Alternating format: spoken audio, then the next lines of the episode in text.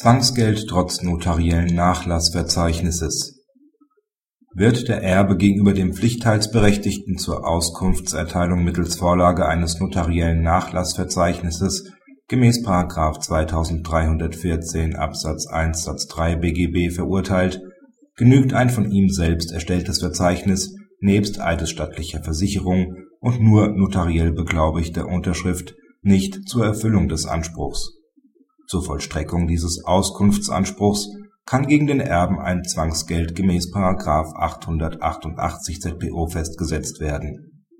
Der Pflichtteilsberechtigte erwirkte ein Teilversäumnisurteil gegen den Erben, wonach dieser unter anderem Auskunft über den Nachlassbestand des Erblassers durch Vorlage eines notariellen Nachlassverzeichnisses gemäß § 2314 Absatz 1 Satz 3 BGB zu erteilen hatte der verurteilte Erbe errichtete daraufhin ein privatschriftliches Nachlassverzeichnis und versah es mit einer eidesstattlichen Erklärung. Die Unterschrift des Erben wurde notariell beglaubigt und das Verzeichnis anschließend zur Erfüllung der rechtskräftig festgestellten Auskunftsverpflichtung dem Pflichtteilsberechtigten vorgelegt.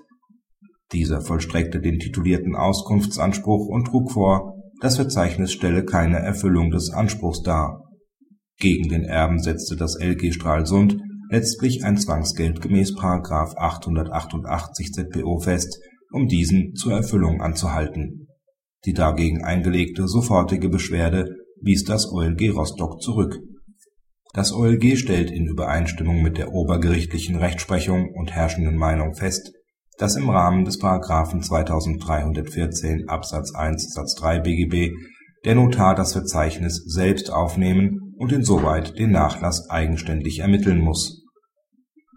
Die nur notarielle Beglaubigung der Unterschrift des Erben unter dem Nachlassverzeichnis genügt den Anforderungen, die an den Notar insoweit gestellt werden, nicht. Daher ist die Vollstreckung gemäß § 888 ZPO nicht zu beanstanden. Praxishinweis in den letzten Jahren hat die Rechtsprechung die Anforderungen, die an ein notarielles Nachlassverzeichnis gemäß § 2314 Absatz 1 Satz 3 BGB gestellt werden, mehrfach konkretisiert. Dies scheint bei einigen Notaren noch nicht hinreichend verinnerlicht zu sein, wie die Entscheidung zeigt. Dem Anwalt des Auskunft fordernden Pflichtteilsberechtigten ist daher dringend anzuraten, notariell aufgenommene Nachlassverzeichnisse genau zu prüfen wobei selbst die Formalia der Notarurkunde eine Beanstandung rechtfertigen können